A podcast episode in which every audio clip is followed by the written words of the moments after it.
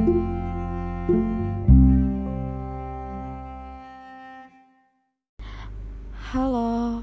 selamat siang pendengar, selamat siang, selamat sore, maupun selamat malam, kapan pun Anda mendengarkan podcast ini. Hai, salam kenal, aku Nila Amalina, dan di podcast ini semoga kalian tetap sehat, semoga semuanya masih menjalankan protokol kesehatan dan selalu dilindungi oleh Tuhan. Amin. Baik, hari ini podcastnya yaitu mengenai ideologi Pancasila.